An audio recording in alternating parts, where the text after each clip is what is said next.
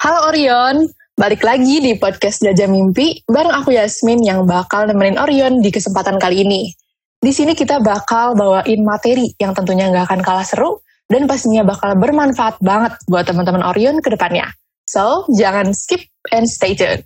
Nah, sama seperti di episode podcast Jajah Mimpi yang lainnya, kali ini kita tentunya udah nyiapin tamu spesial yang bakal nemenin aku ngobrol-ngobrol kali ini. Tak kenal maka tak sayang. Yuk kita kenalan dulu sama pemateri di episode kali ini. Halo Kang ABD. Halo Yasmin. Oke, apa kabar nih Kang? Ya, um, perkenalkan, aku ABD di sini aku uh, lulusan angkatan 2018 dan sekarang uh, alhamdulillah tengah menempuh pendidikan di Fakultas Psikologi Universitas Pajajaran. Oke, kalau boleh tahu Kang sekarang udah semester berapa nih Kang? Uh, aku sekarang udah di ujung semester 5. Uh, aku uh, maksudnya untuk tahun 2021 aku bakal masuk semester 6. Gitu. Wih, berarti udah mau ini ya Kang, skripsian ya Kang? Waduh, ya begitulah. Sudah dianggap wow. mahasiswa tua. Semoga lancar ya Kang ya sampai akhir. Amin, terima kasih. Eh, kalau boleh tahu nih Kang, Akang lulusan 24 eh 24 tahun berapa Kang? Aku lulusan 24 tahun 2018. Tuh. Eh, udah cukup lama ya Kang ya? Iya. Um, deh biar biar uh, untuk mengefisienkan waktu juga ya, kita langsung aja masuk ke materi. Nah, jadi kali ini kita mau kupas tuntas nih tentang salah satu permasalahan yang sering banget dihadapin sama teman-teman yang lagi di tahap belajar mati-matian untuk persiapan memasuki perkuliahan. Stres. Nah, stresnya itu bisa jadi stres belajar, stres mikirin jurusan, stres ujian praktek, dan masih banyak lagi lah pokoknya. Nah, uh, pertanyaan pertama nih Kang dari aku untuk membuka sesi materi kali ini. Ada gak sih Kang cara da, cara untuk tahu kalau kita itu lagi ada di fase stres ini nih Kang? Soalnya banyak banget kayak anak muda zaman sekarang yang mereka tuh nggak aware kalau sebenarnya mereka itu lagi ada di fase stres dan akhirnya malah dibiarin dan ya kita nggak tahu cara buat ngatasinnya gitu Kang. Nah itu gimana sih Kang? Nah, sebenarnya untuk uh, gimana kita bisa awalnya uh, notice gitu kita sadar bahwa oh iya ini gue kayaknya stres nih gitu loh. Sebenarnya itu ada uh, bisa dibilang ada beberapa uh, ciri gitu. Entah mungkin kerasanya uh, secara fisik, misal kalau uh, stres pernah gak sih ngerasa uh, misal besok bakal ada ujian praktek lah presentasi atau apa terus sakit perut paginya gitu loh. Nah, sering. Itu, nah, ya, itu bisa jadi ciri fisiknya gitu atau misal uh, ya nggak nggak nyaman di apa ya masalah pencernaan lah atau misal pusing dan sebagainya terus atau kalau misal nggak kerasa dari gejala fisiknya gitu mungkin stres ini juga bisa kerasa dari uh, emosi yang nggak enak misal uh, apa ya semacam kecewa terus takut apa ya pokoknya udah udah mikirin nggak enak-enak aja gitu. Nah atau bisa juga um, kita udah kepikiran sesuatu yang uh, apa ya bisa dibilang hmm, mengganggu juga. Misalnya overthinking kemudian uh, kita apa ya uh, bisa dibilang punya ekspektasi yang berlebih atau misal yeah. kita uh, mengulang-ulang pemikiran yang sama tanpa ada jalan keluar misal kayak gitu. Nah itu bisa jadi tanda-tanda uh, kalau misal kita sedang ngalamin stres nah intinya kenapa stres ini bisa muncul itu sendiri ya karena uh, kita ada uh, menghadapi sesuatu nih. Nah, sesuatu ini tuh secara sadar maupun enggak itu bikin kita takut, itu bikin kita merasa terancam atau itu uh, apa ya? Kalau misal dilihat secara positif itu menjadi tantangan yang harus kita lewatin kayak gitu. Berarti stres itu bisa kita lihat dari sisi positif dan negatif juga ya Kang ya? Bisa banget karena stres ini nggak uh, selamanya negatif gitu. Selama apa ya? Uh, selama masih bisa kita temukan uh, cara yang lebih positif untuk melihatnya nanti juga kita bisa uh, kita malah bisa memanfaatkan si stres yang kita rasain ini gitu. Oke, di Kang. Nah, kan kadang kan kita suka kayak tiba-tiba sedih, hmm? terus tiba-tiba ngerasa apa ya, pingin nyerah gitu, ngerasanya tuh kayak lagi gak bisa ngapa-ngapain gitu, merasa kayak diri kita tuh lah pokoknya lagi berada di fase terbawah gitu. Terus emosinya tuh jadi susah dikontrol juga gitu, Kang. Nah, gimana hmm. sih cara untuk meregulasi emosi dan perasaan kita gitu Kang?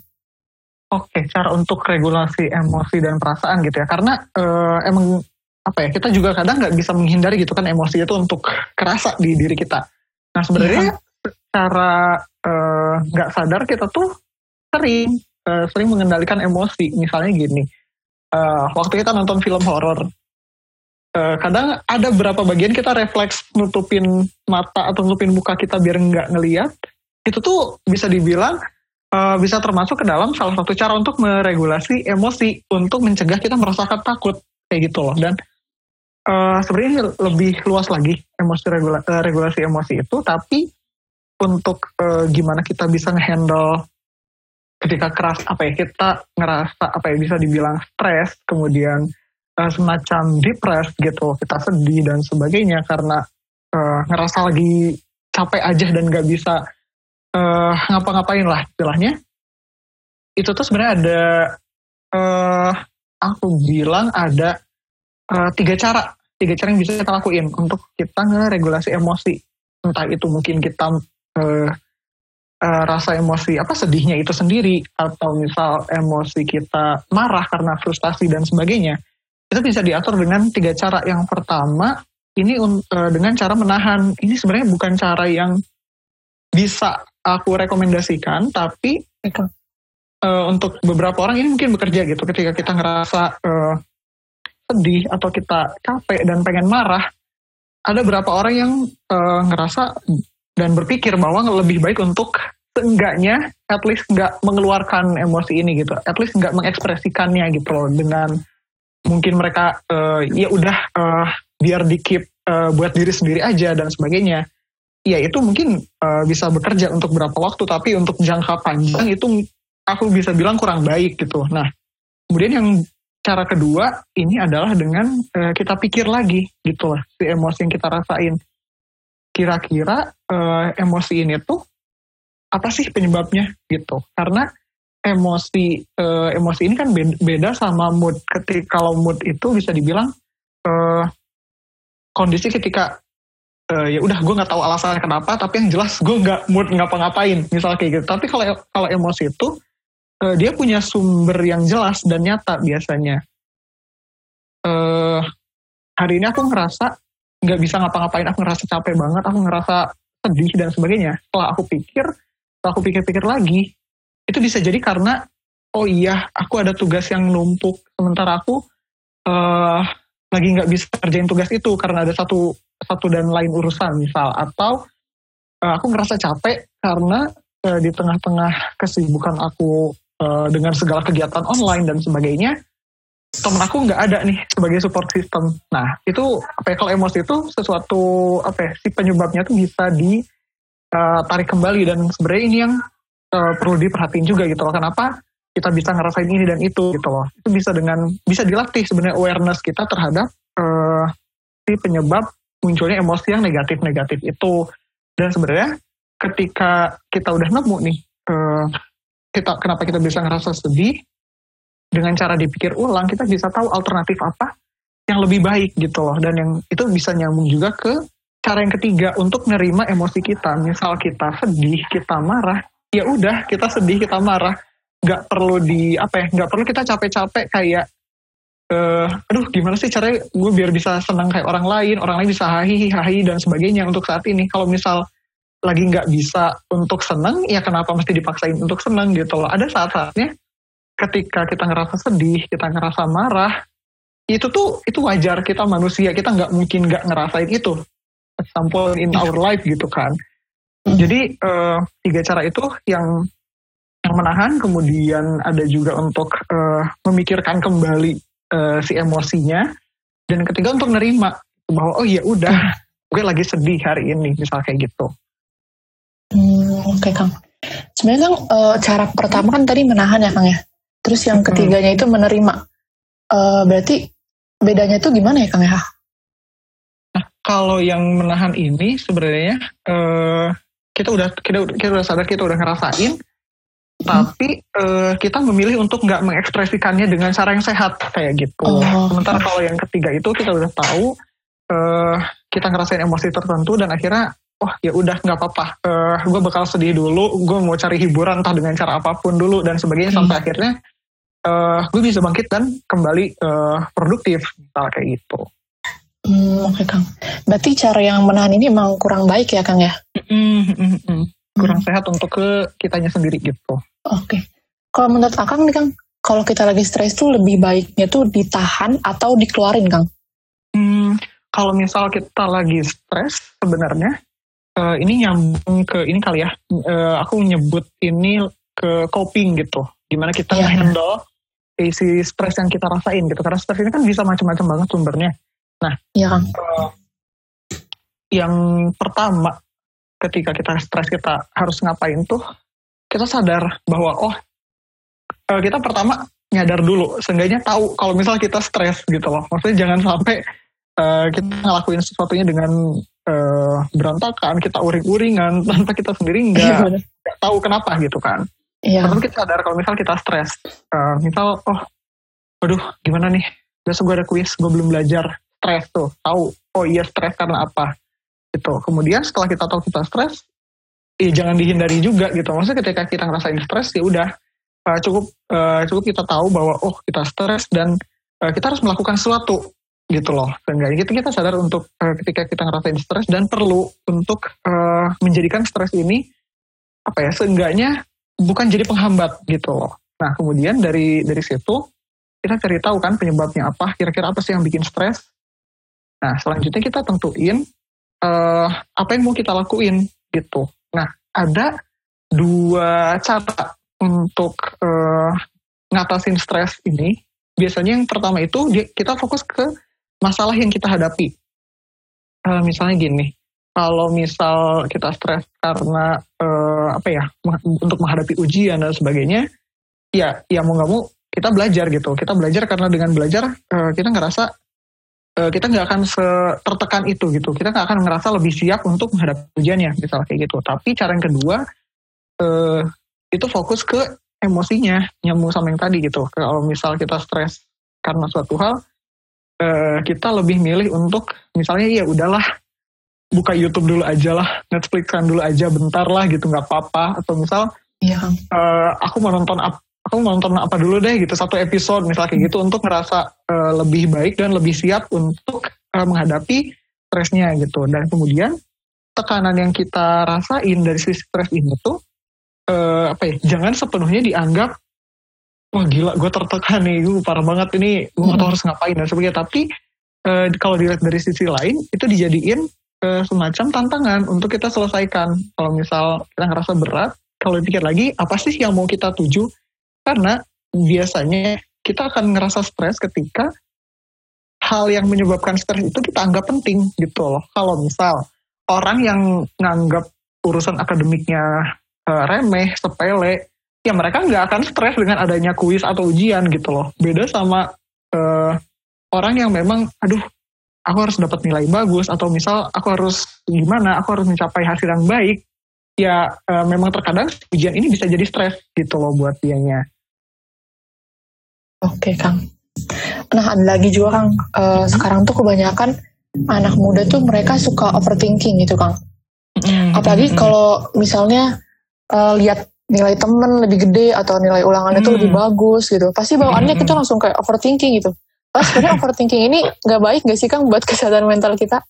Iya, apa ya sebenarnya? Uh, ya overthinking ini bisa dibilang nggak baik karena hmm, ada saat-saatnya kita mikir nih, kita mikir uh, soal apa ya, say suatu masalah gitu kan. Uh, tapi cara berpikir ini tuh kita bukannya bukannya apa ya menganalisis si masalah ini untuk dapat solusinya, tapi kita fokus ke apa yang menjadi aspek negatifnya gitu kan dari masalah ini. Nah itu yang memang biasanya jadi kasus utama di overthinking gitu. Kalau um, dari apa yang aku tahu dan dari pengalaman aku sendiri, uh, memang uh, perlu dibedain ya ketika kita mikir kita mikir keras tapi itu yang tujuannya untuk menyelesaikan masalah atau problem solving sama yang emang kita uh, fokus terus-terusan kayak aduh kok gue gini banget ya kok gitu banget ya dan sebagainya karena itu kan negatif gitu dan itu yang memang nggak baik dan uh, yang disebut overthinking itu nah cara untuk ngatasin overthinkingnya sendiri itu uh, kita bisa dengan uh, mencari distraksi dari lingkungan sekitar gitu. Kita bisa uh, kalau misalnya kita nih, mulai ada nih pikiran-pikiran nggak bener nih, cari hiburan aja, main game, nonton gitu loh. Atau misal uh, apa ya? Misal ngelakuin hobi gitu loh. Pokoknya apa pun yang uh, sekiranya bisa ngalihin pikiran kita dari uh, kenegatifan itu. Nah, terus uh, ketika memang kita ngerasa hmm, apa ya let's say kita ngerasa kurang nih kita ngerasa kurang di karena satu hal uh, itu jangan uh, apa ya jangan berusaha untuk dilawan juga maksudnya uh, ya udah nggak apa-apa kalau misal kamu emang mikir uh, kamu ngerasa kurang nggak apa-apa asal jangan berlebihan dan jangan fokus ke kekurangannya itu aja gitu loh. Oh iya. Nah itu juga nyambung sama uh, cara berikutnya untuk uh, apa ya jangan uh, apa ya, untuk kita nggak mikir dengan standar perfeksionis gitu. Karena um, apa ya after all juga kita manusia dan manusia itu unik. Kita nggak mungkin kita nggak mungkin sama satu sama lainnya. Pasti beda pasti ada bedanya gitu. Ketika kita ngerasa oh dia lebih baik uh, misal kok gue nggak bisa kayak dia ya kok gue nggak bisa kayak si itu ya. Ya karena kalian orang yang berbeda gitu. Ketika uh, ketika kita nganggap orang lain ada yang lebih baik dari kita sebenarnya kalau dipikir lagi pasti ada aspek dari diri kita yang lebih baik dari orang tersebut gitu loh. Jadi uh, apa ya kita nggak nggak perlu selamanya terus-terusan untuk uh, pasang standar bahwa oh iya dia nilainya 80 gue juga pasti bisa nyampe 80 yang apa ya nggak nggak mesti segitunya gitu loh. Yeah. kalau misal emang uh, kalau misal emang untuk mencapai segitu memberatkan lo ya ya tahan aja. Maksudnya bukan tahan uh, tapi lebih ke nerima aja bahwa nggak uh, semua orang juga akan mencapai hal yang sama gitu dalam hidup yeah, ini. hmm, nah terus um, cara lainnya ini ini agak apa ya bukan ini bukan bukan bukan aku encourage kalian untuk overthinking tiap hari tapi uh, ada bagusnya kalian jadwal jadwalin um, waktu dalam satu hari untuk ngerefleksiin apa yang uh, mungkin dirasa kurang atau bisa diperbaiki di lain hari gitu loh. Mengevaluasi mungkin ya Kang? Iya lebih ke refleksi dan evaluasi diri gitu. Nah ini juga uh, bisa dilakukan dengan berbagai cara. Misalnya kalian tulis dalam jurnal harian atau semacamnya gitu. Okay. Dan kadang kalau untuk aku sendiri nih ya, uh, biasanya uh, agak ngebantu agak ngebantu overthinking itu ketika aku bisa ngobrol sama orang lain atau ketika aku nulis. Karena kalau misal aku ngobrol sama orang lain, pada akhirnya dari dari apa yang bikin aku overthinking nih, itu ternyata nggak seburuk itu.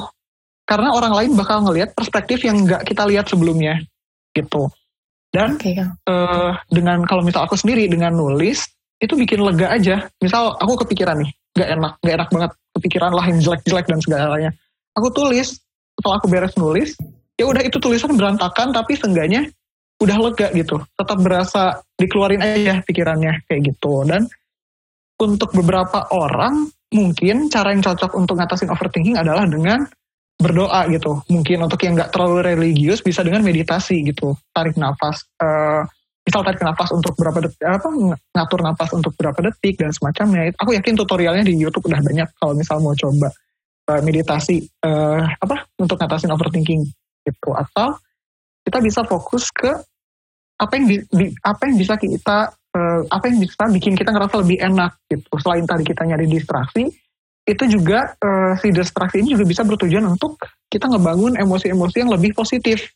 Misalnya sambil dengerin lagu kesukaan, terus jalan eh, jalan-jalan keluar rumah, cari angin gitu loh, nikmatin apa yang ada gitu. Coba uh, kita cari distraksi dengan apa lihat kucing komplek kayak misal kayak gitu. Atau liatin mobil lewat di jalan, hitungin tuh mobil yang lewat, misal kayak gitu. Itu untuk ngatasin overthinking. Hmm, Oke okay, Kang. Berarti overthinking juga sebenarnya bisa mengarah ke stres gak sih Kang? Iya bisa jadi uh, apa yang apa ya uh, si overthinking ini emang cukup berkaitan ya sama stres ketika mm -hmm. kita ngerasa tertekan, kemudian kita pikir uh, apa yang bisa ngerasa tertekan itu bisa ngarah ke overthinking berikutnya gitu loh. Dan mm. kayaknya itu juga bisa bisa berlaku sebaliknya kita ketika kita terlalu fokus sama sesuatu yang kita anggap uh, negatif, nantinya itu juga bisa jadi tekanan untuk kita sendiri gitu yang nantinya jadi stres hmm. gitu. Oke Kang. Nah, kan sebenarnya aku pernah uh, baca-baca juga nih, Kang. Jadi mm -hmm. katanya stres ini belum masuk ke gangguan, eh bukan belum masuk ke penyakit mental. Katanya, tapi sebenarnya stres ini bisa ngarah ke penyakit mental, yaitu depresi. Bener nggak sih, Kang? Hmm, kalau uh, itu tuh gini, emang stres ini tuh nggak bisa disebut eh, nggak uh, bisa disebut penyakit mental ya, pengetahuan aku karena stres ini emang suatu kondisi yang uh, wajar untuk terjadi gitu. Makanya aku bilang tadi karena emang stres ini pun bisa jadi sesuatu yang positif kan karena uh, hmm. in some way dia bisa memotivasi kita untuk melakukan sesuatu yang lebih baik misal kayak gitu. Oh, iya. Nah si stres ini bisa kemudian mengarah ke gejala depresi dan semacamnya yang ujungnya nantinya uh, apa penyakit mental itu karena cara kita untuk ngatasin coping atau menghandle stres ini yang nggak sehat kayak gitu. Kalau hmm. misal hmm. cara coping kita nggak pernah apa ya nggak sehat kayak atau apa ya mungkin istilahnya nggak nggak eh, nggak kayak yang tadi aku sebutin misal ada yang stres tapi malah um, apa kalau tiap stres dia malah kerja yang minum atau misal oh, iya. uh, uh, atau misal dia ngelakuin tindakan yang merugikan diri sendiri nah itu yang memang nantinya nggak apa nggak akan menjadikan stres ini hal yang baik dan malah bisa jadi berujung ke gejala depresi gitu. hmm. tapi ini nggak semua dan benar-benar tergantung uh, individunya itu sendiri gitu Berarti tergantung gimana kita menyikapi si stres itu ya Kang ya? Iya dan iya dan itu satu satu hal yang penting tadi bahwa stres ini emang nggak bisa dibilang nggak akan nggak akan jadi penyakit mental itu tersendiri gitu loh atas okay. sampai dengan nama stres gitu tapi memang dia bisa uh, mengarahkan kalau misalnya kita nggak bisa uh, mengatasinya dengan tepat dan benar gitu. Oke, okay. berarti gimana pun kita harus uh, bisa ya Kang ya mengendalikan stres ini dengan baik gitu. Agar hmm. apalagi di fase sekarang gitu teman-teman Orion kan uh, lagi di masa-masa persiapan perkuliahan gitu. Jangan sampai stres ini akhirnya bikin nyerah bikin malas belajar bikin nggak mau berusaha lagi ya kan ya Kang? Iya bener banget. Nah terus aku jadi keinget ini deh. Uh, sebenarnya uh, secara umum ketika kita berusaha uh, mungkin ini bisa ngebantu ya. Karena sebenarnya karena ketika uh, kita berusaha menjaga kesehatan itu tuh sebenarnya bakal ngebantu kita untuk uh, apa ya ketika kita stres itu bakal ngebantu kita untuk menghadapi stres itu dengan cara yang lebih sehat gitu. Kalau kitanya sendiri mengusahakan uh, gaya hidup yang sehat misalnya uh, makan makanan yang nutrisinya seimbang terus olahraga tidur cukup dan sebagainya even ketika uh, kita punya waktu break untuk nggak pegang gadget itu tuh sudah gaya-gaya apa ya pola hidup yang sehat itu bisa mengarahkan kita untuk punya uh, cara coping stres yang lebih baik gitu. Hmm, Oke okay, Kang. Uh, sebelum aku nyimpulin nih Kang, ada satu quotes nih yang aku ambil dari film Sing dari Disney tahun 2016 nih. Aku suka banget sih. Jadi ceritanya tuh dia tokoh utamanya tuh lagi stres gitu lah. Jadi kayak dia punya hmm. usaha teater, terus nggak berjalan dengan baik dan akhirnya dia merasa pingin menyerah aja gitu. Terus temennya nih, temennya tuh kayak nyemangatin dia gitu. Dia bilang gini, you know the good thing about hitting rock bottom, there's only way left to go and that's up. Yang artinya itu ketika teman-teman merasa stres dan pingin nyerah gitu, teman-teman lagi ada di titik terbawah, jangan sampai putus asa gitu. Karena ketika teman-teman lagi ada di fase itu, satu-satunya jalan yang bisa ditempuh adalah bangun dan kembali berusaha untuk meraih titik teratas kehidupan teman-teman. Nah, jadi kesimpulan ada beberapa kesimpulan yang bisa aku ambil dari sesi ini ya Kang ya. Yang pertama yeah. itu jadi ketika ada e, cara untuk kita mengetahui kalau kita stres itu yang pertama bisa dari e, fisik gitu. Misalnya kayak sakit perut, pusing, terus bisa juga dari kecewa atau enggak kita merasa takut. Dan stres itu bisa muncul ketika kita menghadapi sesuatu itu secara tidak sengaja maupun sengaja gitu. Kita takut dengan apa yang kita hadapi dan stres ini bisa jadi sesuatu yang positif dan negatif tergantung gimana kita menyikapi dan uh, menghadapinya gitu. Dan sebenarnya uh, regulasi emosi ini udah menjadi bagian gitu dari kehidupan kita sehari-hari dan memang tanpa sadar kita sering melakukan regulasi emosi ini. Dan ada tiga cara dari Kang ABD yang udah disebutin tadi. Yang pertama yaitu menahan. Jadi kita uh, sebenarnya ini cara yang ini tidak direkomendasikan ya Kang ya karena iya. memang agak-agak tidak nyaman juga untuk dilakukan. Dan ada juga cara keduanya itu kita memikirkan kembali apa penyebab dari emosi kita berubah itu dan dari situ kita bisa mencari solusi dan alternatif cara menyikapi si emosi itu. Dan yang terakhir itu ada cara menerima. Jadi kita menerima emosi-emosi tersebut karena memang emosi ini adalah hal yang wajar dihadapi oleh kita sebagai manusia gitu kan kan. Nah, terus ada juga e, cara mengatasi stres nih. Jadi coping stress. Coping stress itu e, dari situ kita harus melakukan sesuatu biar stresnya ini tidak menjadi sebuah penghambat dan ada dua cara nih. Yang pertama itu kita harus fokus ke masalah yang e, menjadi penyebab dari stres tersebut dan yang kedua yaitu fokus ke emosinya. Jadi jadi si stres ini adalah kita kita anggap sebagai sebuah tantangan dan kita kita harus kita harus berani untuk menghadapinya gitu Kang. Dan kita dengan dengan menganggap si stres ini adalah sebuah tantangan, kita juga bisa uh, memikirkan kembali si tujuan kita sehingga kita bisa terus maju ke depan tanpa uh, dan menghadapi stres-stres yang kita alami. Nah, terus di sini juga ada overthinking itu um, biasanya lebih kita lebih berfokus kepada hal, -hal negatif nih. Makanya kadang-kadang overthinking ini overthinking ini dianggap sebagai sesuatu yang negatif dan uh, perlu dibedakan juga antara pemikiran keras untuk menyelesaikan masalah sama mikir keras tapi fokus ke hal yang negatifnya. Dan cara ngatasin overthinking ini yaitu dengan cara refreshing, kita main. Jadi sebenarnya uh, ketika lagi berusaha untuk melakukan sesuatu itu jangan sampai uh, harus harus imbang ya kan antara mainnya, refreshingnya sama ya bekerja kerasnya gitu. Jangan sampai soalnya bisa jadi kalau misalnya kita terlalu fokus, kita terlalu misalnya kan lagi belajar nih untuk teman-teman yang teman-teman Orion nih lagi fokus belajar, susah belajar, jangan sampai teman-teman tuh terlalu memikirkan hal tersebut sehingga nggak ada mainnya gitu, nggak ada waktu mainnya, nggak ada waktu refreshingnya, akhirnya malah jadi stres gitu. Dah, mungkin itu aja sih Kang ya kesimpulan dari aku. Mungkin akan sebelum ditutup nih Kang, mungkin dari Akang ada closing statement nggak Kang?